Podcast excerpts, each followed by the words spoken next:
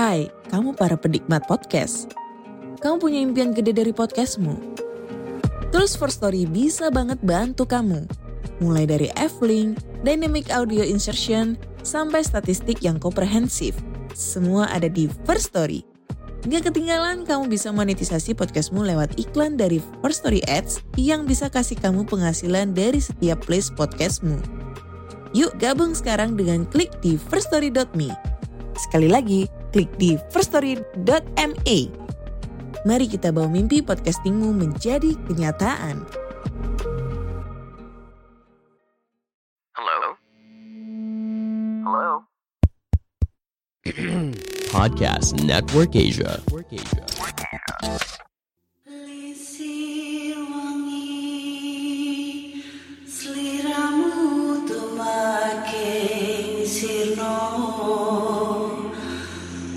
Yeah.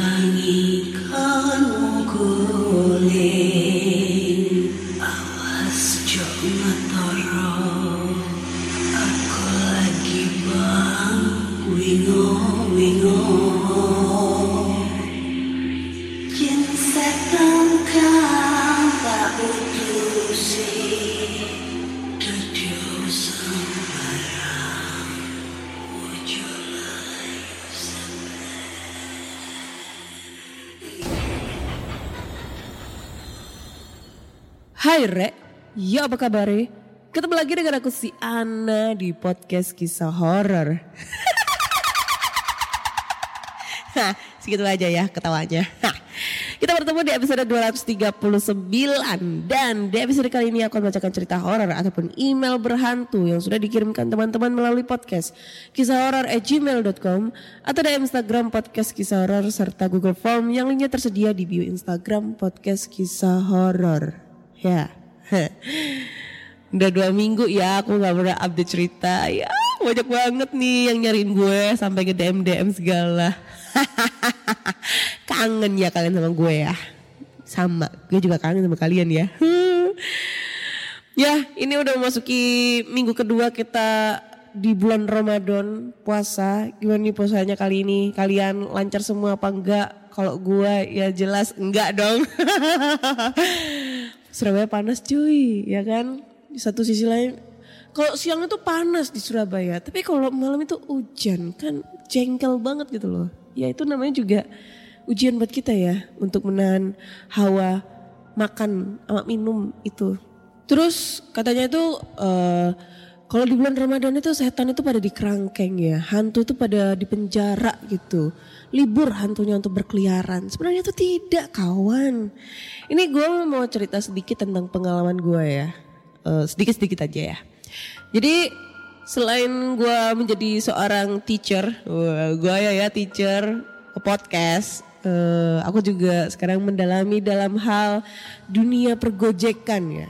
Wah, kurang apa coba ngedapetin gue ya kerja di sekolah terus ke podcast ke gojek. Tapi masih ada juga yang nyanyiin gue ya. Anjing emang itu orang. Ha. jadi eh, waktu itu gue ngegojek jam dapat orderan sekitar jam setengah 10 atau jam 10 malam gitu loh pokoknya hampir jam 10 gitu.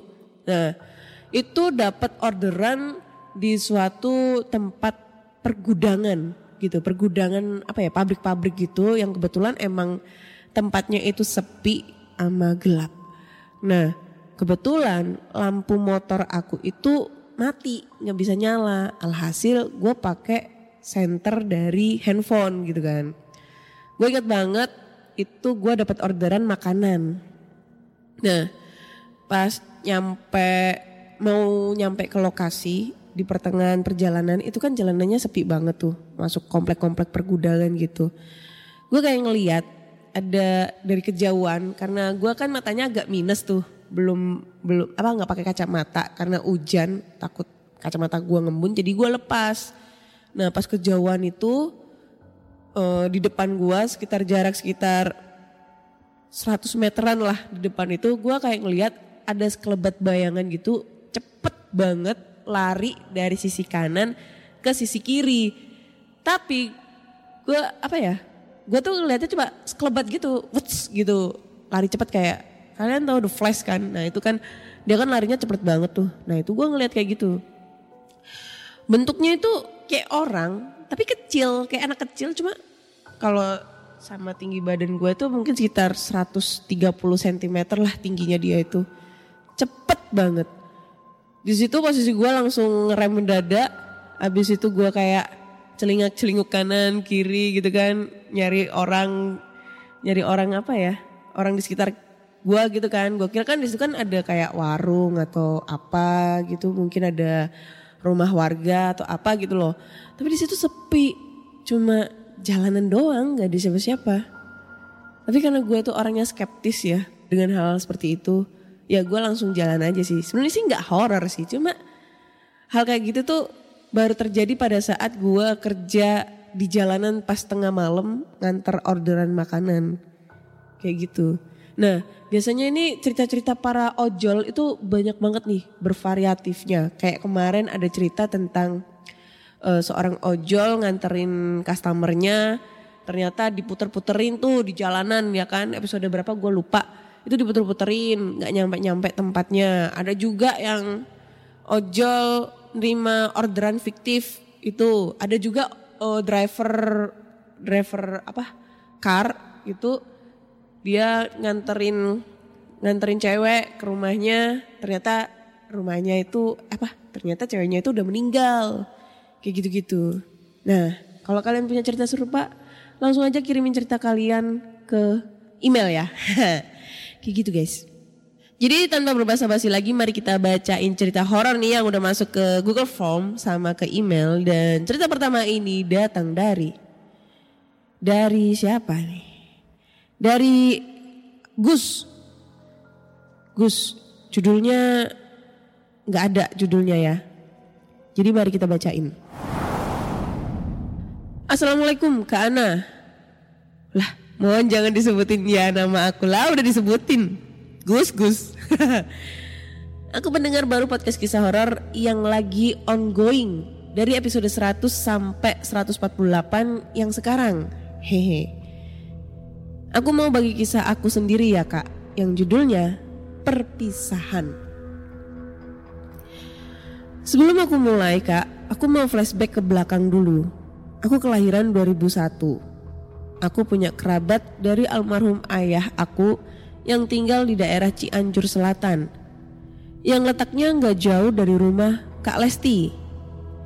Nah, waktu itu ada kakek buyutaku yang tengah sakit. Tiba-tiba yang katanya kakinya ketusuk serpihan kayu. Karena memang dia suka ngangon domba ke hutan-hutan gitu. Waktu itu aku dan keluargaku disuruh untuk pergi melihat kondisi kakek buyutaku yang pas jamnya tuh jam 2 malam. Jarak tempuh pakai motor sekitar 5 jaman lah. Ya karena waktu itu gelap banget. Waktu itu aku masih kelas 3 SD. Sedangkan aku cuma tidur di sepanjang perjalanan. Tapi sebelum aku sampai sampai sekitar setengah jam perjalanan lagi, di situ tempatnya hutan semua Sampai-sampai ada pas di sebuah tanjakan itu motornya nggak bisa naik. Aku nggak tahu ya itu kenapa. Tapi yang jelas aku kebangun karena suara ibu aku yang beristighfar sampai-sampai membuat aku terbangun.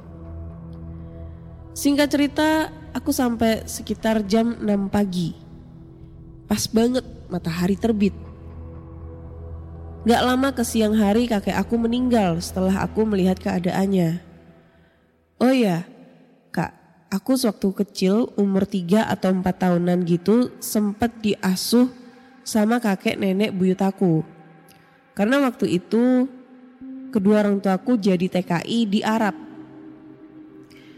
Singkat cerita kak, pas hari ke-40-nya kan yasinan tuh Selesai yasinan itu aku berada di ruang tamu yang tengah menonton TV yang masih parabola. Sedikit clue buat Dena rumahnya tuh, uh, rumahnya itu berada di belakang. Uh, apa sih? Rumahnya tuh belakang TV itu. Ah, gimana sih? Sedikit clue buat Dena rumah. Itu belakang TV. Oh, itu di belakang TV ada dua kamar yang saling bersebelahan. Tiba-tiba pandanganku teralihkan ke kamar sebelah kiri yang pada waktu itu dijadiin gudang tempat penyimpanan kasur. Dan kagetnya aku lihat ada kain putih tepat banget di pintu. Pada saat itu aku langsung tercengang terheran-heran karena kain itu kayak ditiup angin gitu loh kak. Langsung hilang gitu aja. Kayak sembunyi dari pandangan aku. Hmm. Aku sih nggak mikir aneh-aneh pada waktu itu karena nggak ngerti yang begituan. Pas waktu itu aku panggil ibu aku yang lagi di dapur buat lihat di situ gak ada kain putih sama sekali. Oh iya, waktu itu posisinya lagi sore menjelang maghrib sih. Ya mungkin itu salam perpisahan kakek aku ke aku waktu itu. Karena ya memang kakek buyut aku itu suka banget manjain aku. Sekian dulu cerita dari saya, mohon maaf kalau ada salah tulis, tanda baca kurang jelas karena ini pengalaman pertama kalinya aku tulis cerita horor. Semangat terus buat Kak Ana ya, hehehe. Oke Gus, thank you buat ceritanya di cerita pertama ini, opening ya. Judulnya adalah perpisahan. Ya kalau menurut aku mungkin hmm, lu halu kali ya. Kenapa gue bisa bilang halu? Ya, kan kalau usia 3 sampai 4 tahunan kan kejadiannya itu pada saat lu ke usia 3 atau 4 tahunan gitu ya. Jadi kayak lu tuh ngerasa kayak masih terbayang-bayang sosok kakek lu gitu. Karena lu sendiri kan adalah kesayangan kakek lu gitu kan. Jadi kayak lu berimajinasi nih kalau uh, di depan lo itu masih ada sosok kakek lu. Lagian nih ya, lagian yang lu lihat itu adalah kain coy. Sekelebat kain. Ya, masa iya kakek lu pakai daster gitu warna putih kan cewek itu, kakek lu kan cowok.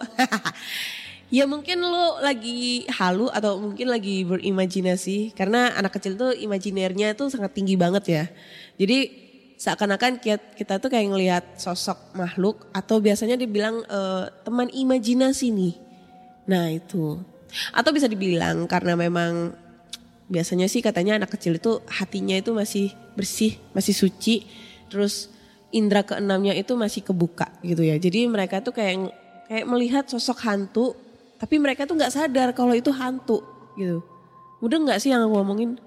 Ya kurang lebihnya kayak gitu gitu. Jadi kayak lu ngelihat sosok hantu sebenarnya tapi sebenarnya itu bukan kakek lu karena gue yakin menurut agama gue ya kalau misalnya orang sudah meninggal itu ya sudah dia udah ke ke alamnya sana nah yang lu temuin itu adalah sosok jin yang menyerupai kakek lu atau makhluk halus lainnya kayak gitu kan jadi kalau gue kata sih lu halu kali toh juga lu masih kecil tiga atau empat tahunan itu masih nggak ngerti apa itu namanya hantu ya kan Kayak gitu Gus. Oke lanjut ke cerita kedua ya. Karena ini ceritanya kurang serem maka kita langsung aja lanjut ke cerita kedua nih. Dan cerita kedua ini datang dari email. Judulnya adalah Hantu Kepala dan Pocong di belakang sekolah angker. Halo Kak Ana, aku mau berbagi kisah horor yang aku alami sendiri. Kisah ini aku alami um, bukan. Kisah ini terjadi sekitar tahun 2007. Posisi aku masih sekolah SMP. Nah, 2007 gue udah SMA coy. nah, kejadiannya itu di sekolahan SD, nggak jauh rumah aku. Mungkin sekitar 200 meter dari rumahku. Waktu itu aku dan teman-temanku lagi main petak umpet di dekat SD tersebut. Aku biasa main petak umpet mulai jam 9 malam sampai jam 11-an. Oh ya, lupa, aku asal dari Cilacap kak. Nah, waktu itu temen aku kebagian jaga. Aku dan teman-temanku yang lain lagi ngumpet. Ketika kita mulai mencari tempat untuk ngumpet, kita semua misah. Tapi aku ngumpetnya berdua dengan teman aku. Panggil saja namanya Budi. Nah aku sama Budi ngumpet di belakang SD yang angker itu. Tiba-tiba saat kita lagi asik ngumpet, aku kebelet BAB. Aku bilang sama Budi, Bud, aku kebelet nih, gimana ya? Tanyaku. Kemudian kata Budi, ya udah sono ke WC yang di sekolah itu aja. Nah lokasi WC itu ada di belakang sekolah. Tapi aku takut bud, sekolah itu kan angker, kataku. Daripada kamu tahan, nanti perut kamu malah sembelit, jawabnya. Dengan hati ragu-ragu akhirnya aku beraniin diri buat BAB di sekolah itu. Nah, pas aku udah mulai jongkok, aku ngerasa kayak ada yang merhatiin aku. Kupikir itu cuma perasaanku aja kali. Jadi aku lanjut aja. Selang beberapa menit aku BAB, aku dengar kayak ada yang nangis. Bulu kuduku mulai berantakan. Aku cuma diam sambil memastikan apa benar ada suara tangisan atau cuma aku salah dengar. Tapi lama kelamaan suaranya semakin jelas. Lalu aku teriak. Put, gak usah bercanda deh, gak lucu anjir. Tapi gak ada jawaban dari Budi. Anjir, gue ditinggalin tuh, pikirku. Gak lama setelah itu ada yang manggil. Shh, shh. Aku celingak-celinguk, tapi gak ada orang dan makin parah lah ketakutanku. Pas aku lagi takut-takutnya, kedengeran lagi orang manggil. Tapi kali ini jelas banget dan deket banget. Shh, shh. Aku celingak-celinguk lagi. Gak ada orang. Maaf, ini posisi WC-nya agak tinggi dan di belakangnya kayak ada saluran air lumayan lebar. Nah, pas aku tengok ke belakang dan mataku ngelirik ke bawah, ada kepala dengan wajah hancur, berantakan. Rambut gondrong lagi nyengir liatin aku. Sontak aku kaget setengah mati. Gak bisa ngomong apa-apa.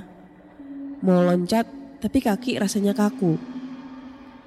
Akhirnya aku cuma bisa merem sambil berusaha buat angkat kaki. Setelah kakiku udah bisa digerakin, secepat kilat aku kabur nggak mikir udah cebok apa belum. Intinya aku lari tanpa nengok ke belakang. Yii, jorok. Baru aku keluar dari WC aku udah dikagetin lagi sama sosok pocong yang lagi berdiri di atas pohon pisang. Saking kagetnya aku sampai terpleset. Dari terpleset itu aku udah gak bisa lari lagi. Jadi aku berusaha kabur dengan cara merangkak. Saking lemesnya kaki sama badan aku sampai akhirnya ada orang yang kebetulan lewat lihat aku lagi merangkak dan orang itu bertanya, kamu kenapa dek? Kok ngerangkak gitu? Tanyanya. Tolong pak, tolong, tolong pak. Aku cuma bisa jawab itu. Kemudian aku dibawa ke sebuah warung untuk ditenangkan.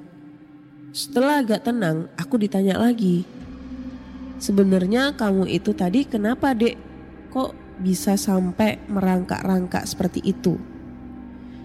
Saya tadi lihat kepala sama lihat pocong pak di sekolah itu? Jawabku.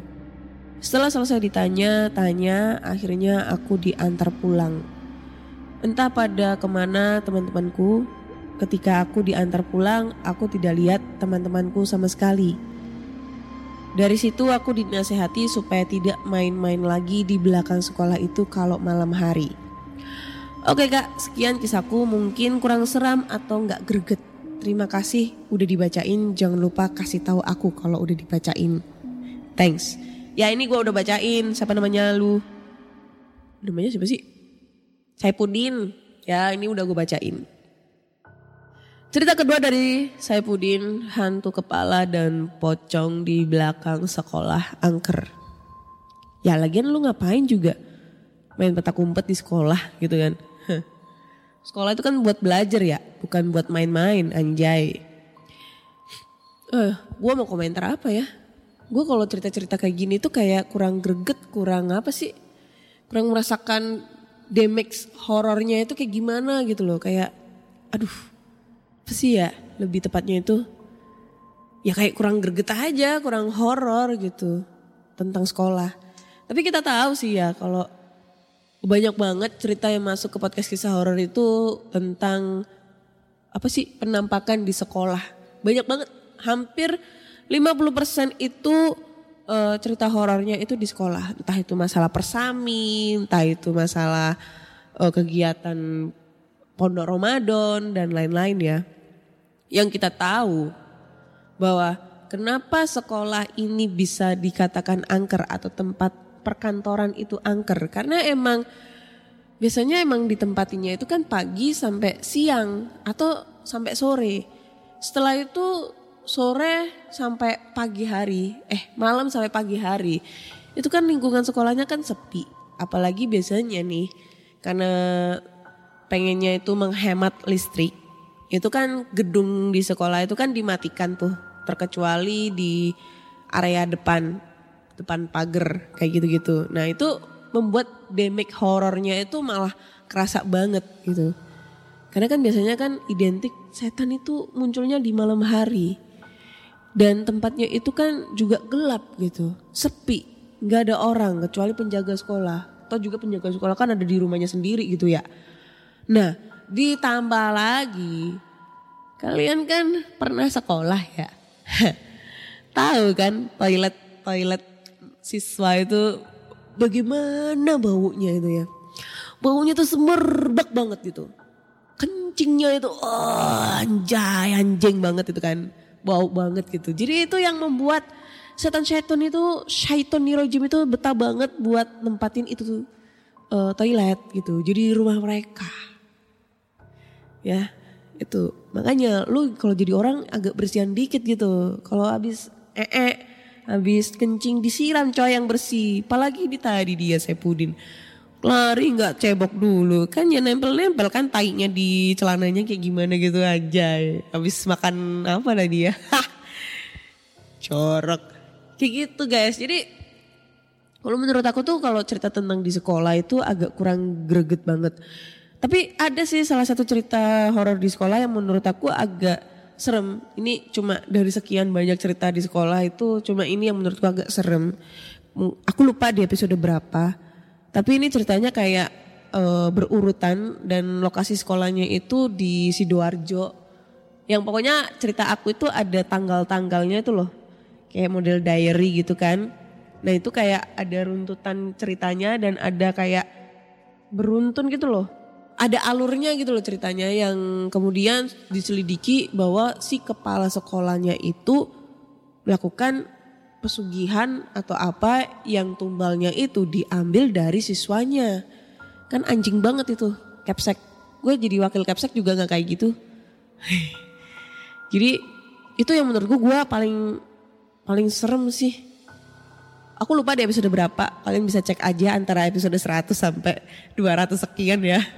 Gue lupa. Tapi itu menurut gue cerita cerita horor di sekolah yang paling serem menurutku itu sih karena sampai katanya sih itu ceritanya real sampai merenggut nyawa.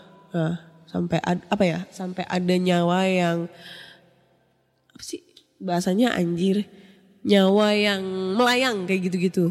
Nah itu itu menurutku serem banget. Serem ya enggak lah belum.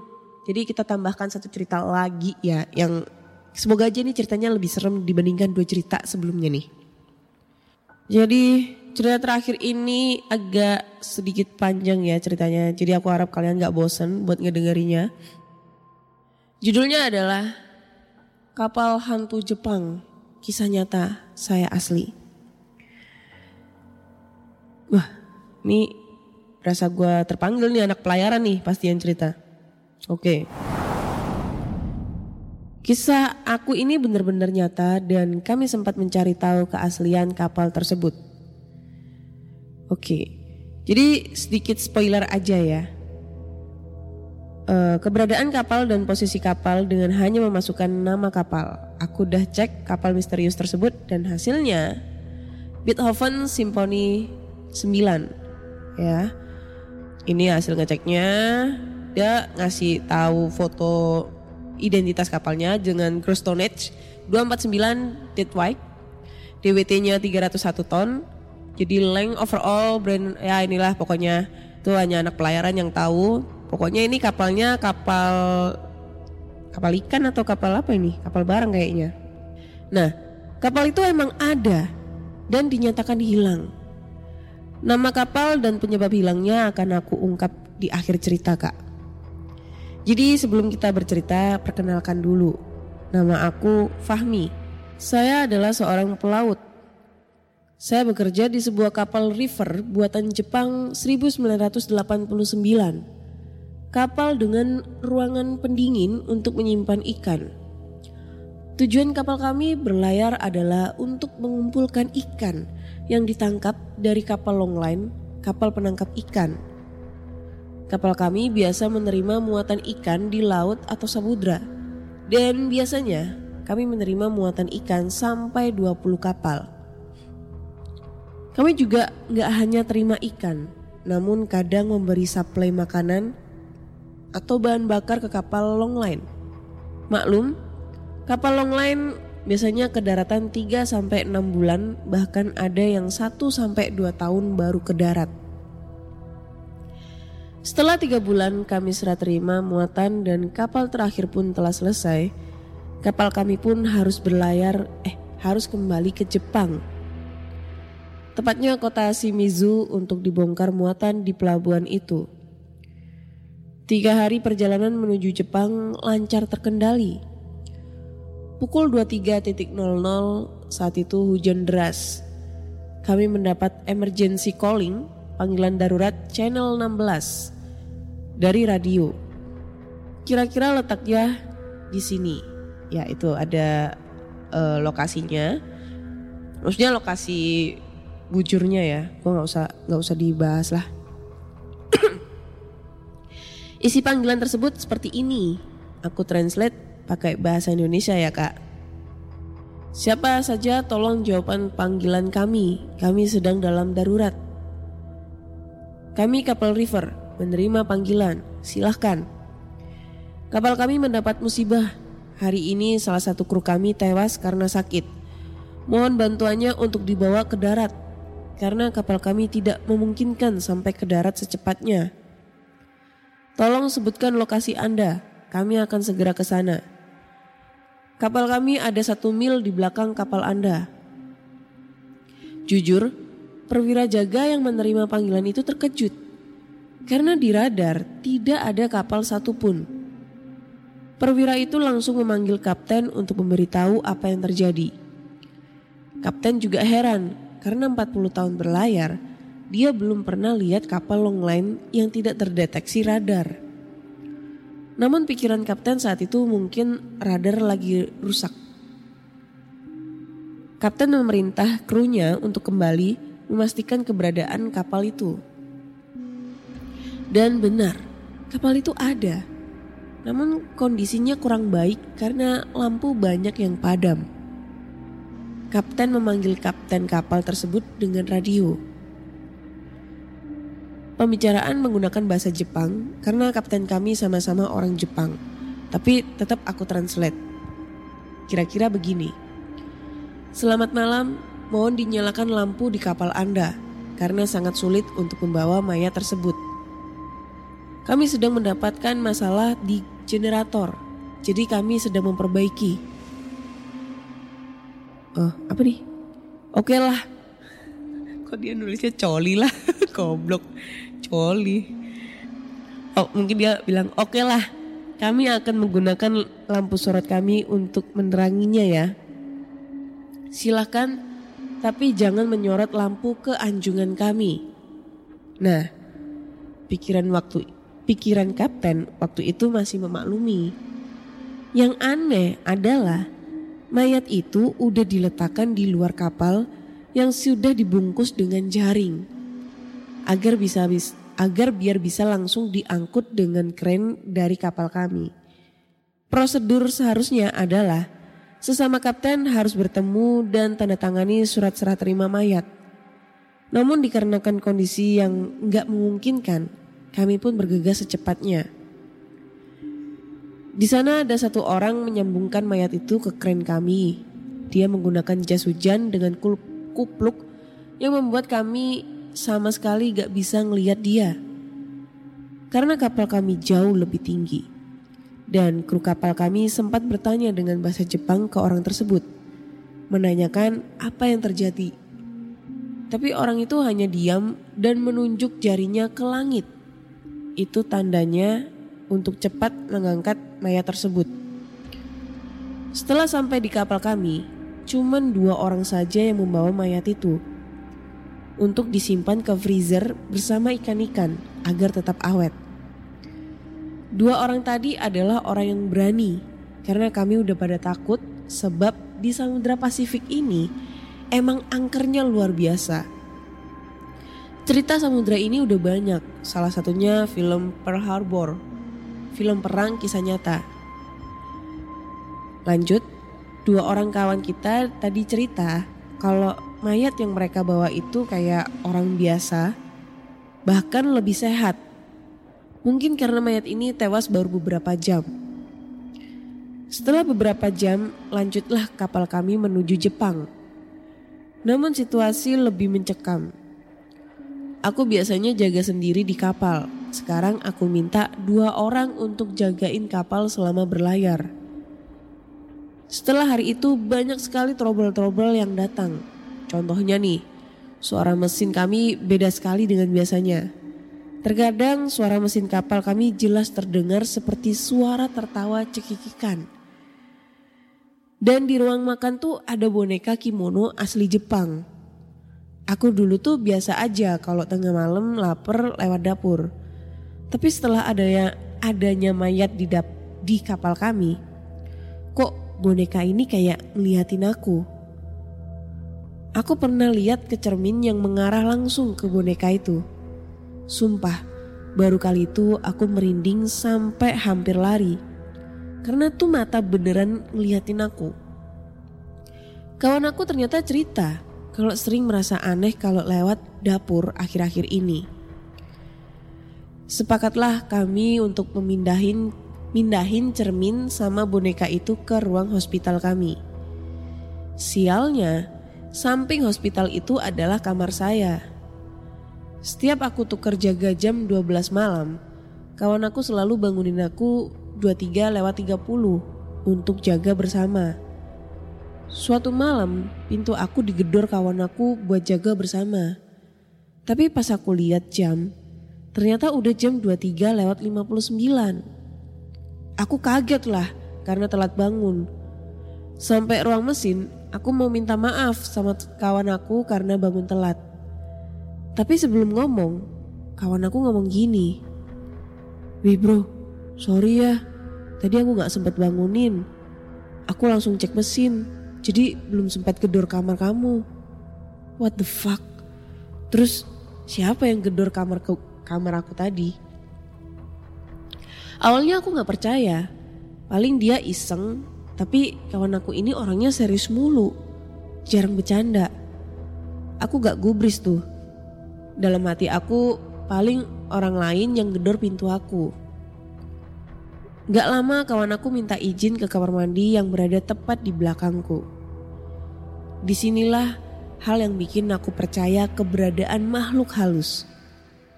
Kawan aku yang tadi ke kamar mandi muncul dari pintu sambil eh pin, dari pintu masuk sambil kucek-kucek mata dan berkata, "Bro, maaf ya. Aku baru bangun." Hah? Di situ aku langsung buka kamar mandi dan bener aja, tuh kamar mandi kosong.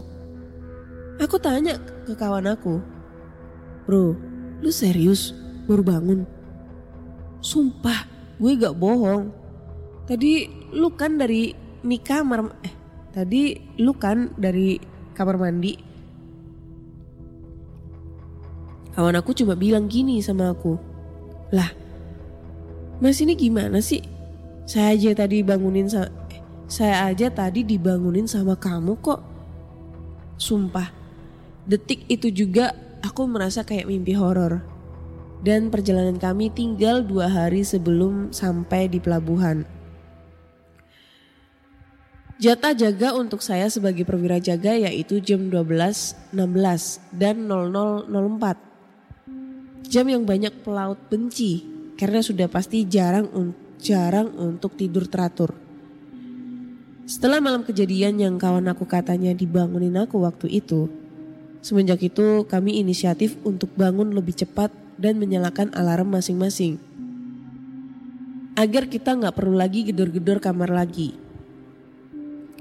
Hari kedua sebelum sampai, kami memang sudah mendapatkan kabar lima hari lalu bahwa akan adanya badai beserta ombak yang melewati jalur pelayaran kami.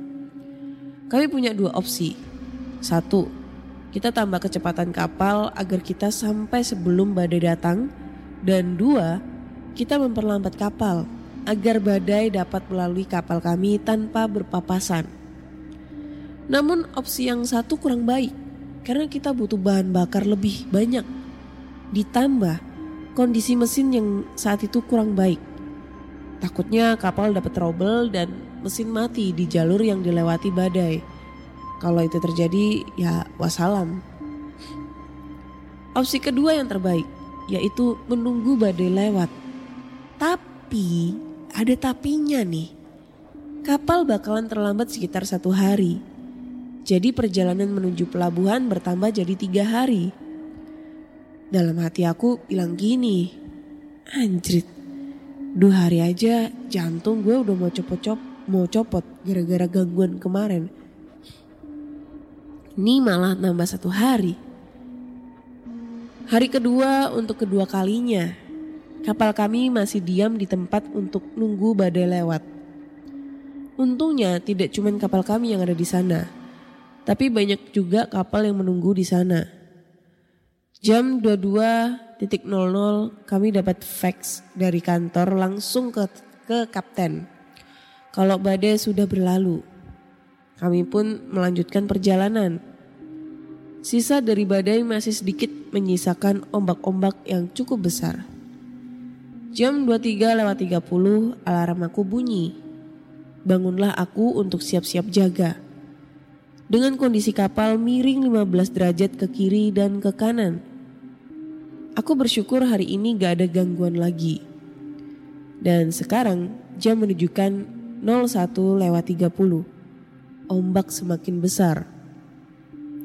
Aku cek klinometer, alat untuk mengukur kemiringan kapal menunjukkan kemiringan 25 derajat. Kalau aku gambarin ya, miringnya itu mirip sama kora-kora yang di Dufan.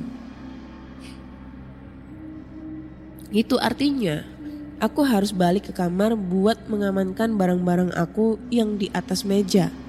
Seperti laptop aku atau barang yang gampang pecah. Aku dan kawan aku gantian pergi ke kamar. Larilah aku menuju kamar aku yang berada tiga lantai di ruang mesin. Sebelum aku masuk kamar, otomatis aku harus lewatin hospital room yang isinya boneka kimono yang kemarin ngeliatin aku. Pas lewat tuh hospital room, aku lari kayak The Flash, secepat-cepatnya. Akhirnya masuk juga ke kamar aku tanpa gangguan. Tapi nafas ngos-ngosan kayak dikejar anjing brimob. Dan bener saja, laptop aku udah kebanting dan LCD-nya rusak. Dan sebelum aku balik ke ruang mesin, ada suara pecahan kaca dari kamar sebelah aku. Jantung aku makin debar-debar. Pecahan kaca itu jelas beraja, berasal dari kamar hospital. Aku buka kamar aku pelan-pelan sambil ngintip. Tapi nggak ada apa-apa. Oke lah, aku beranikan diri untuk lewat itu ruangan tanpa mikir yang aneh-aneh. Pas aku lewat, tepat di pintu hospital, kapal berasa miringnya bertambah dan gubrak. Suara pintu hospital terbuka karena kapal terlalu miring. Yang bikin aku lemes tanpa kata-kata, badan aku juga kedorong masuk ke hospital. Untungnya aku masih bisa nahan pakai tangan aku ke pintu. Jadi posisi aku pas depan pintu dengan tangan terbuka lebar menahan kuatnya ombak. Di sana jelas aku lihat pecahan kaca dan boneka kimono di depan aku. Rasanya kayak mau melambaikan tangan ke kamera. Namun kata-kata untung itu gak berlangsung lama. Karena otomatis kapal akan miring ke sisi satunya. Iya setelah miring kanan pasti bakalan mi balik miring ke kiri. Dan di sinilah ketakutan ekstrim datang. Boneka kimono yang di dalam ikut bergeser ke arah aku yang tadi menahan badan. Jelas mata ketemu mata. Jelas ini bukan mimpi dan aku cuma bisa pasrah dan berdoa. Dan pas boneka itu menuju ke posisi aku berdiri dengan kedua tangan ibaratnya ter terikat, pintu hospital langsung tertutup keras. Karena emang kapal sudah miring ke kiri. Dan ini aku gunakan sebagai kesempatan emas buat ibrit ke kamar mesin. Dan aku masih bisa tengok ke belakang, namun pas kapal miring ke sebelah kanan lagi, itu pintu hospital gak kebuka. Kan harusnya terbuka ya. Aku cerita ke kawan aku tentang hal yang tadi. Tapi sebelum cerita ke kawan sebelum cerita ke kawan aku, aku pastiin dulu dia itu beneran kawan aku atau bukan. Aku pegang dan aku jambak. Dia pun berteriak. Sampai kapal eh gimana sih? Oh, berarti beneran dia orang. Takutnya aku kena jebakan Batman lagi. Aku cerita ke kawan aku tentang hal yang tadi. Tapi sebelum cerita ke kawan aku, aku pasti eh sorry sorry. Kawan aku ini beruntung ber, eh, beruntung karena kamar dia itu beda lantai dengan hospital. Aku minta izin sama dia buat tidur bersama kalau malam. Dan kawan aku mengiyakan, tapi cuma sampai kapal berlabuh. Paginya kami cek rame-rame ke hospital dan benar aja, kaca sama boneka udah berhamburan. Kacanya pecah dan bonekanya ada di kolong tempat tidur. Hari terakhir, beberapa jam sebelum sampai pelabuhan. Jelas rasa senang dan ada takut ada sekali. Sudah tiga bulan kami kaki kami nggak injak tanah. Kapten pun meminta orang kantor untuk menyiapkan ambulans agar proses pemindahan mayat tersebut berjalan lancar. Orang kantor aku singkat aja ya, jadi agen. Agen hanya mengucapkan iya kepada kapten. Kapten kami menyuruh kru kapal untuk membawa mayat keluar di ruang dari ruang pendingin. Dua orang kawan kami yang memberani pun siap mengangkut mayat tersebut. Karena situasi waktu itu masih siang, kami pun para kru rame-rame membantu mengangkat mayat tersebut. Sepuluh menitan mencari tapi mayat itu belum ketemu di ruang freezer. 20 menit berlalu tetap belum ketemu. 30 menit juga masih gak ketemu. Salah satu kawan kami mengingatkan kami kalau kemarin kan kapal kita kena ombak Mungkin mayatnya ada di tumpukan bawah bercampur dengan ikan. Kami semua pun serentak bilang, oh benar juga ya. Pakai bahasa Jepang. Akhirnya kami gali tumpukan ikan selama satu jam lebih. Tapi tetap tetap kosong. Kapten pun mulai turun tangan dan dia cek ke lokasi. Tapi emang beneran gak ada. Akhirnya kami masuk ke pelabuhan yang berjarak sekitar 15 km dari posisi kami turun jangkar. Anchor bahasa gaulnya. Kapten bilang, mungkin jika semua ikan sudah dibongkar kita dapat menemukan mayat tersebut. Tibalah kami di pelabuhan, kapal kami disambut oleh tiga mobil polisi. Tapi kok aneh ya, di situ malah kayak ada pendeta atau ibaratnya kayak orang pinter lah kalau di kita. Gak ada mobil jenazah atau ambulans sama sekali. Secara di atas kapal masih ada mayat. Naiklah orang kantor ke atas kapal dengan membawa banyak pizza dan makanan yang gak ada di laut buat kru kapal kami. Terjadi percakapan antara kapten dan agen. Bagaimana Cap? Tentang perjalanan di trip kali ini. Lalu kapten bilang, semua berjalan lancar dengan aman. Kecuali adanya kapal long line yang salah satu krunya tewas karena sakit. Seperti yang saya jelaskan di email. Untuk informasi aja, walau kapal kami ada di samudra, kapal kami masih bisa menerima email. Walau hanya dapat kuota 25 megabit per hari. Dan telepon menggunakan telepon satelit yang bernama Inmarsat. Ya Cap, kami telah menerima laporan kapten dengan jelas. Dan di sinilah aku akan mengungkap informasi kapal hantu tersebut. Eh, masih panjang anjing ini. Hah. Oke, kita flashback. Kita balik lagi ya ke obrolan kapten dan agen. Pertama kalinya saat kapten menerima mayat dan kapten segera menginfokan ke agen informasi kapal tersebut. Agen, mohon informasikan. Kami telah menerima jenazah dari kapal long line dan kami tidak bisa menolak karena kapal mereka tidak memungkinkan untuk kembali ke darat. Apalagi badai akan datang. Baik Kapten, tolong koordinatkan posisi kapal Anda sekarang. Oke. Posisi kapal kita adalah 34 titik itulah pokoknya ya. Diterima, mohon kirimkan detail kapal tersebut via email. Oke, saya akan mengirimkan secepatnya. Kapten pun segera mengirim informasi tentang kapal tersebut. Inilah yang kita tunggu-tunggu, informasi kapal misterius tersebut. Eh, nama kapalnya ship partikular, nama of shipnya Tenyu Maru nomor 2. Call sign-nya, IMO numbernya aku udah lupa sih. Udah apa ya? Karo Panta Seven Karta eh ya itulah pokoknya 7205491 itu. Gue udah lupa nih. Nah, lanjut. Cap kami telah menerima laporan yang Anda kasih yang lalu dan kami sadar Anda dalam juga eh Anda dalam juga dalam kondisi yang baik. Mana sih?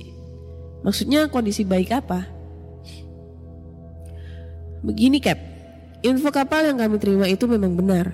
Namun kapal itu telah hilang dan kemungkinan tenggelam 18 tahun lalu bersama seluruh krunya. Lokasi tenggelamnya kapal itu tepat sekali di mana kapten mengambil mayat itu. Kapal itu terkena hantaman badai ketika kembali ke Jepang. Kabar terakhir mengatakan hampir seluruh kru tewas bunuh diri, harakiri, di Anjungan karena kapten kapal itu telah melanggar aturan. Kapten tersebut sudah mengetahui di jalur dia berlayar akan ada badai. Namun kapten tersebut tetap nekat yang mengakibatkan tenggelamnya kapal itu. Apa ini yang dimaksud kapten kapal misterius itu untuk tidak menyorot anjungannya? Mungkin kalau waktu itu kita sorot, hal mengerikan pasti terjadi. Agen pun melanjutkan informa mencari informasi ke seluruh agen lain di Jepang. Dan memang benar, banyak yang bertemu kapal misterius itu di lokasi tersebut. Namun dipastikan jika bertemu kapal itu, bertanda kapal kita dapat perlindungan. Nah loh, kok perlindungan? Bukannya aku diganggu terus ya? Agen mengatakan, biasanya jika bertemu kapal itu, kapal kita akan banyak menerima gangguan yang tujuannya untuk memperlambat kapal, agar kapal tidak berpapasan dengan badai, agar tidak senasib seperti kapal Tenyu Maru nomor 2 yang dihantam badai. Dan benar juga sih, kalau waktu itu kapal kapten ambil opsi satu, sudah dipastikan kapal kami senasib. Kapal kami pun waktunya banyak terbuang ketika proses pemindahan mayat. Inti pengalaman di atas adalah gak selamanya gangguan dari makhluk halus selalu negatif. Terkadang mereka memberi petunjuk untuk keselamatan kita agar tidak bernasib sama dengan apa yang mereka alami. Sampai sekarang kapal kami sudah tidak mengalami gangguan lagi dan semua kembali semula. Saya pun pulang ke Indonesia karena kontrak saya telah habis selama satu tahun. Oke. Terima kasih sudah dibacakan ke Ana pengalaman horor aku selama berada di kapal ikan di Jepang. Mohon maaf jika ceritanya kepanjangan dan mungkin tanda bacanya agak sulit dimengerti sama Kak Ana. Oke. Ini udah selesai guys. Gue agak penasaran sama kapal Tenyu Maru. Ntar dulu ini udah menit keberapa anjay. Oh hampir 50 menit ya. Ntar. Tenyu Maru no 2. Oke, kita searching dulu di Google. Oke. Apa sih? Kok bahasa Inggris semua sih? Aku nggak suka aku. kelihatan ini, kelihatan begonya. Gue sebenarnya penasaran banget sama sejarah kapal Tenyu Maru nomor 2 ini ya. Tapi gue nyari di Google tentang seharusnya kan ini kan ceritanya kan mungkin udah banyak banget yang tahu kemungkinan ya. Terus pasti juga kapal ini udah viral banget dulu gitu. Maksudnya viral di kalangan pelaut di Jepang gitu. Cuma ini gue nyari tuh kayak nggak nemu, eh, nggak nemu gitu loh sejarahnya kenapa ini bisa kapalnya lebih detailnya tuh tenggelam atau menjadi kapal hantu tuh nggak nemu. Jadi gue nggak tahu apakah cerita ini asli atau enggak gue nggak tahu. Cuma kalau misalnya gue berada di kapal tersebut secara gue juga mantan pelaut ya. Pasti kayak gue ngerasa kengeriannya kayak gitu. Kenapa gue bisa bilang kengerian? Kalau kalian jadi pelaut ya, kalian hanya bisa berlayar di tengah lautan itu. Mungkin paling lama sebulan, dua bulan, bahkan satu tahun kalian berada di di tengah-tengah laut ya. Jarang banget untuk sandar, apalagi kapal LNG ya. Eh, kapal ngangkut minyak atau ngangkut gas kayak gitu tuh jarang banget buat sandar di di pelabuhan gitu. Nah, kalau misalnya kalian terjadi hal-hal horor di atas kapal, pasti kan kalian bingung nih, mau lari ke mana nih? Kalian mau pindah tempat juga nggak bisa, karena kalian cuma stay di kapal, gitu, gak bisa lari ke sana ke sini, gak bisa eh, ke daratan karena kalian ada di tengah-tengah laut. Terus kalian harus menghadapinya itu hampir setiap hari. Nah itu horornya bro. Apalagi sampai ngangkut jenazah. Karena dulu tuh gue pernah pernah ngalamin yang namanya eh, waktu gua berlayar itu kayak apa ada jenazah orang meninggal gitu ya yang harus kita bawa ke daratan. Biasanya itu kayak- kayaknya gue udah pernah ngejelasin ya. Eh, ada dua macam jenazah yang kita dapat di atas kapal. Pertama jenazah karena memang dia sakit mendadak atau mungkin dia meninggalnya karena serangan jantung atau apa gitu. Yang kedua jenazah yang memang dia sakitnya ini menular, penyakit menular. Nah biasanya kalau jenazah yang mungkin dalam hal keadaan dia sakit karena kecelakaan, eh meninggalnya karena kecelakaan atau mungkin sakit karena serangan jantung atau mungkin dia bunuh diri dan lain-lain, itu biasanya eh, dia akan segera diberangkatkan ke daratan dan dipulangkan ke rumahnya. Kalau misalnya kapalnya tidak memungkinkan untuk melaju lebih cepat, kita biasanya minta tolong kapal cepat nih yang ada di sekitar kita untuk membawa ke darat gitu kan. Tapi kalau semisalnya jenazahnya ini meninggal karena keadaan eh, penyakit yang menular seperti kayak hepatitis atau pokoknya yang cacar, pokoknya yang menular lah, itu biasanya dilarungkan ke laut gitu. Jadi kita ibaratnya menguburkannya di laut, tinggal dijeburin gitu aja dengan prosedur yang ada. Nah itu biasanya setiap kita berlayar itu kita disuruh tanda tangan kontrak.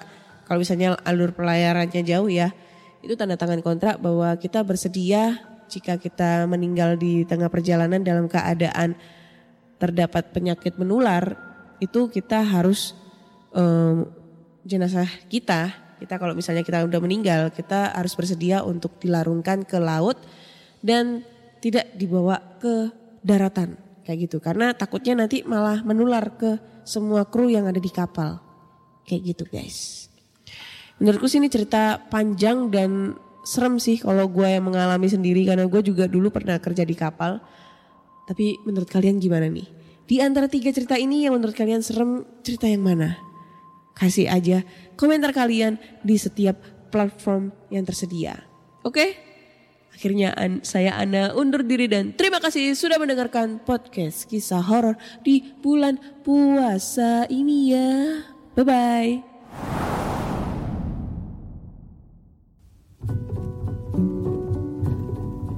Pandangan dan opini yang disampaikan oleh kreator podcast, host, dan tamu tidak mencerminkan kebijakan resmi dan bagian dari podcast Network Asia. Setiap konten yang disampaikan mereka di dalam podcast adalah opini mereka sendiri dan tidak bermaksud untuk merugikan agama, grup etnik, perkumpulan, organisasi, perusahaan, perorangan, atau siapa pun dan apa pun.